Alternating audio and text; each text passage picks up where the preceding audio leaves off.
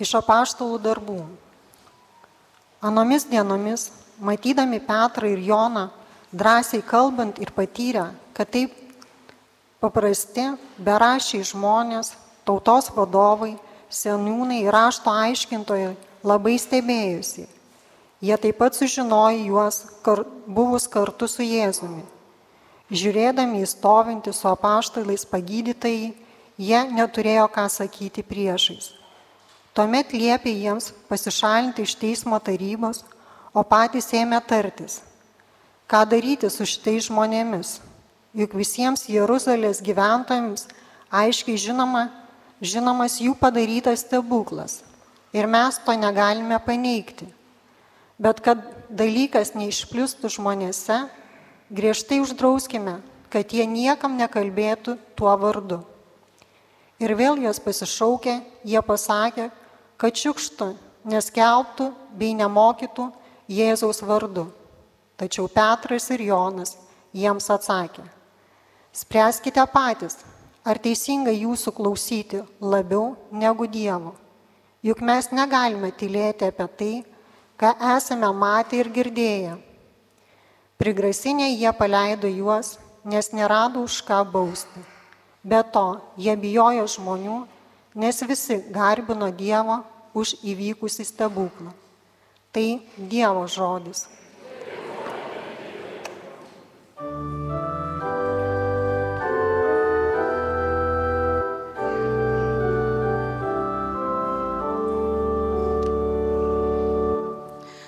Viešpatie tau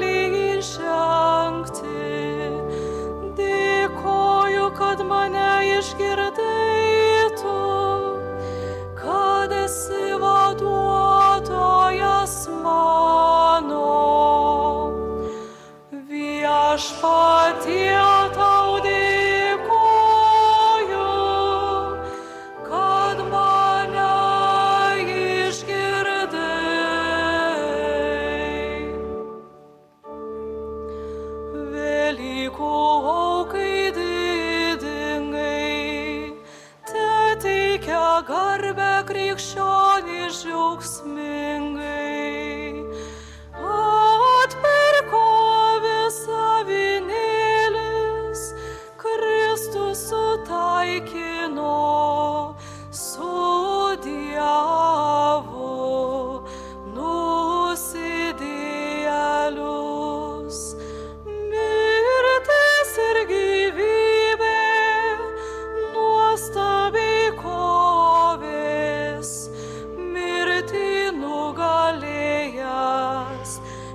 viešpatauja gyvybės valdovas. Pasakyk mums, Marija, ką esi mačius keli, ką pakur Kristaus kūnas guli.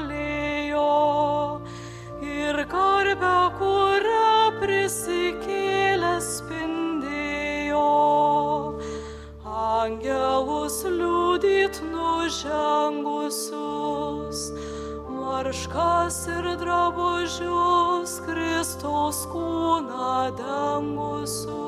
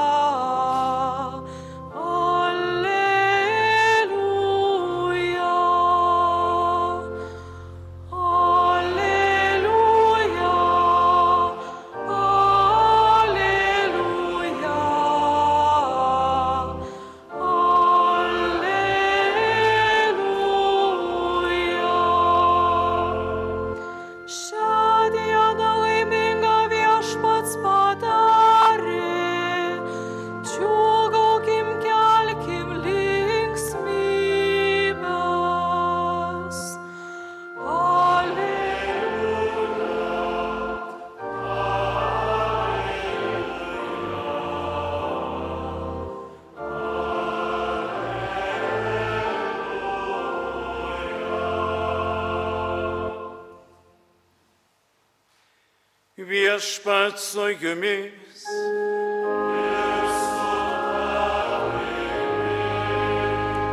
Iš Ventosios Evangelijos pagal Morkų.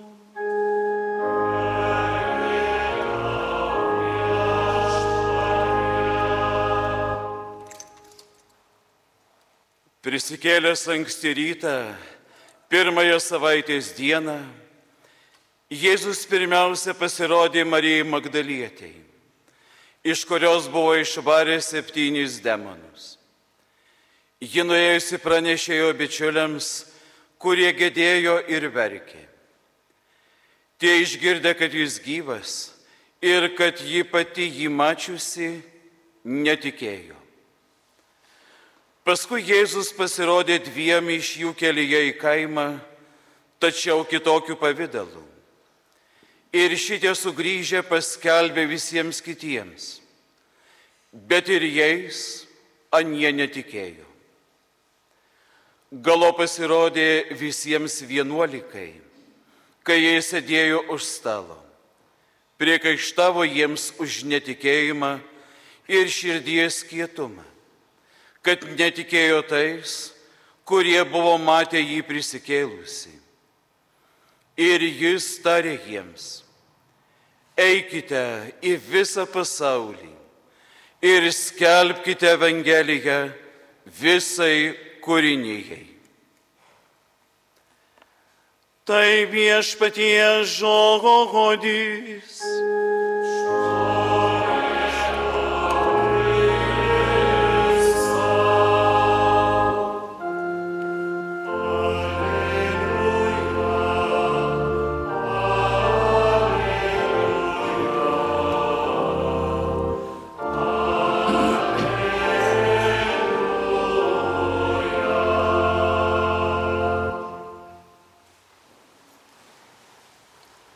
Brangus broliai ir seserys, esame prisikėlusio Kristaus akivaizdoje, kuris mus visus sveikina ramybės paslinkėjimu, tardamas ramybė jums.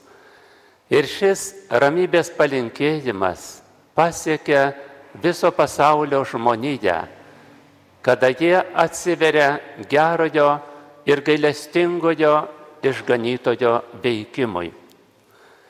Ir viešpats primena, jog žmonija nepatirs ramybės tol, kol nepriartės prie Jėzaus gailestingosios širdies, kuri be galo myli viso pasaulio žmoniją ir trokšta tikrosios ramybės ir taikos pasauliui. Pirmiausiai, mes tą ramybę turime atgauti savo širdyje. Todėl kaip tik esame gailestingumo sekmadienio akivaizdoje, kada viešpats ragina mus visus gailestingumo sekmadienį atlikti išpažinti. Susitaikyti su Dievu vieni su kitais Ir tą sekmadienį atlikę išpažinti mes tampame vėl tyromis širdimis šlovinantį viešpatį.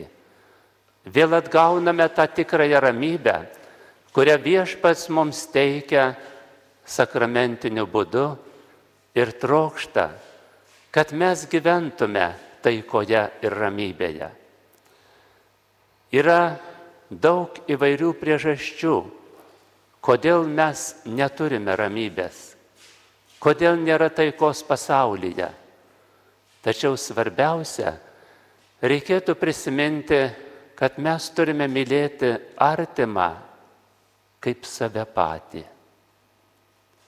Ir jeigu vadovausimės šitą Kristaus nuostatą, mes tuomet patirsime tikrąjį gyvenimą ir tikrąją ramybę kurios taip reikia šeimose, bendruomenėse, visoje mūsų brangioje tėvynėje ir pasaulyje.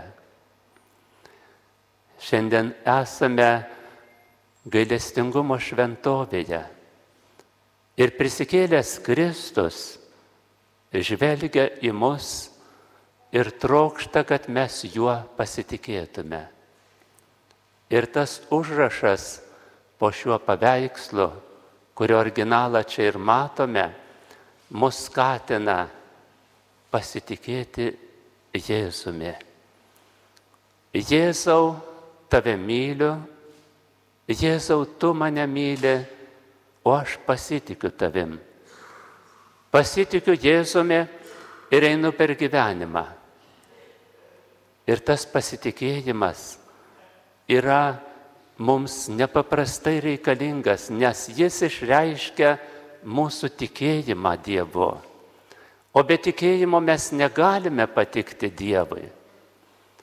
Šventasis Jonas Auksaburnis sakė, kad pasitikėjimas viešpačiu yra tas šalmas, kuris apsaugoja mus nuo įvairiausių netikėtų smūgių kurie ištinka mūsų gyvenimo kelionėje. Pasitikėjimas viešpačiu mums leidžia patirti tikrąjį gyvenimo džiaugsmą, nes matome daug nuliūdusių ir nusiminusių širdžių, daug patekusių į depresijas.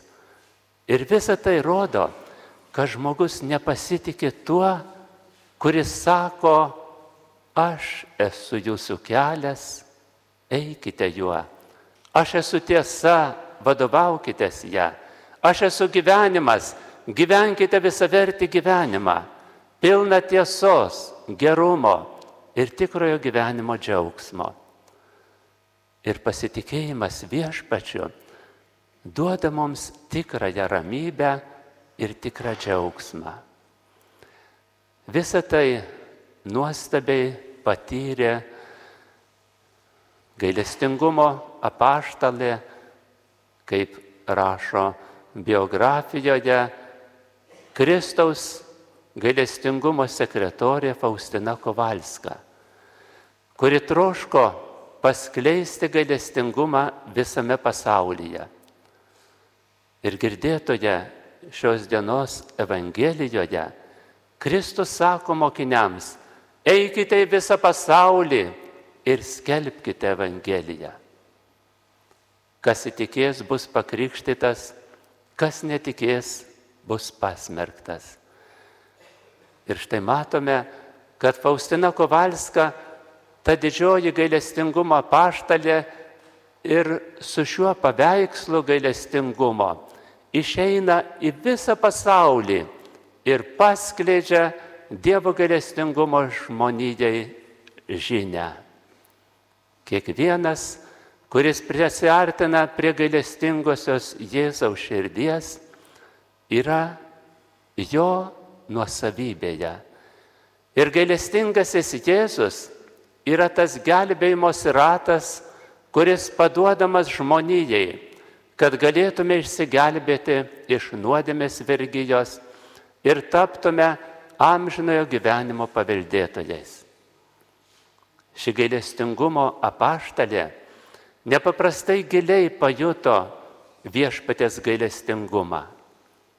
Ji troško nepaprastai giliai įsijausti į begalinę Dievo meilę. Ir šitos meilės šviesoje 1935 m. vasario 4 dieną ji pajunta iš viešpaties duotą nepaprastai svarbę žinę. Nuo šios valandos nėra mano valios. Ji ištarė tuos žodžius ir trokšta vykdyti Dievo valią nepaprastai ištikimai. Ji troško išsižadėti savo valios ir būdama vienuolė, nepaprastai giliai atsiduoti vyresniųjų potvarkiams, nesvarstant, negalvojant nieko, vykdyti tai, ką pasakė vyresnėje. Ji troško išsižadėti ir kalbų ir sako, aš neduodu jokios laisvės savo liežuviui. Vienintelį, ką galiu, tai leisti, kad liežuvis šlovintų viešpatį. Ir šitą laisvę ji davo savo liežuviui, kad galėtų garbinti viešpatį nuo saulėtikio iki saulėlėdžio. Niekas negali manęs atskirti nuo Jėzaus. Joks kūrinys, jokia kita dvasia. Niekam neužleidžiu vietos savo širdyje, kalbėjo Faustina. Ji troško giliai susivienyti su Jėzumi ir praleido žemėje tiek pat metų, kiek ir išganytojas.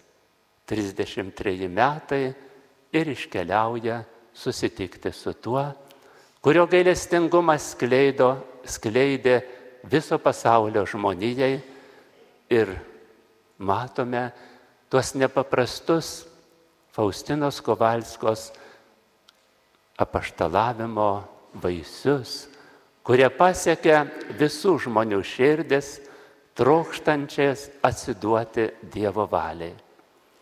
Taigi mes kasdien melzdamiesi ir prašydami, kad įvyktų Dievo valia, nepamirškime, kad asmeniškai turime kiekvienas giliai pajusti tai savo širdyje. Ištarti Dievo valią visada. Kiekviena motina, kuri laukia kūdikio, nieko nesvarstydama, turi pasakyti taip, tam stebuklui, kuris ateina į pasaulį. Kiekvienas žmogus, kuris turi savo pareigas, atlikti jas nepaprastai gerai, kaip sakė kūdikėlio Jėzaus teresėlė, iš meilės Dievui. Ir tokioje dvasioje eiti per pasaulį. Ir mes pajusime tą naujojo gyvenimo džiaugsmą, kuri mums dovanoja gailestingasis išganytojas. Jo gailestingumą skleiskime pasaulyje. Pirmiausia, jį paskleiskime savo šeimoje, būdami gailestingi vieni kitiems, atlaidus, jautrus, nuoširdus. Būkime tarnaujančios dvasios, nes pats išganytojas atėjo ne kad jam tarnauti, bet pats tarnauti. Ir šitokioje dvasioje, pilni gailestingumo ir meilės, kartu su dangiškąja motina Marija, kiekvieną akimirką ištarkime taip Dievo valiai ir ne blogiui bei nuodėmiai. Tuomet mes kursime Dievo karalystę žemėje ir ilgėsimės amžinojo susitikimo dangaus tėvynėje, apie kurią paštalas sako, nei akis neregėjo, nei ausis negirdėjo, nei žmogui galva netėjo tai, ką Dievas paruošė tiems, kurie jį myli. Tad mylėkime.